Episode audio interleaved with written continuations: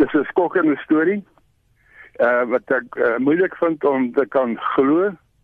Omdat hulle praat van uh, die man met die ore. Hulle praat van nog 'n ander persoon wat by is wat sy naam noem nie van wie regsoorwegings. Hoekom hulle nie sy naam noem nie? Dis maar die persoon wat sal sal kan sê dat waar is. En dan die ander ding is die, die pasiënt wat nou geopereer is. Hoekom kan hulle nie hom opspoor nie? Dit is mos half 'n bietjie snaaks.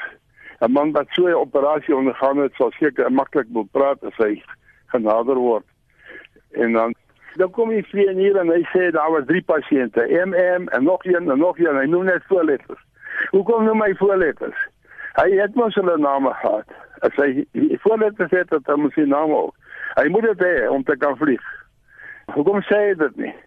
Dit is sulke snaakse goed wat lyk asof iemand probeer om stellings te maak, maar hy's bang hy word gedagvaar om dit te bewys. Dit is baie moeiliker om dit te bewys as hulle sulke vaar goed gebruik soos voorletters of net letterafkortings en sulke dinge.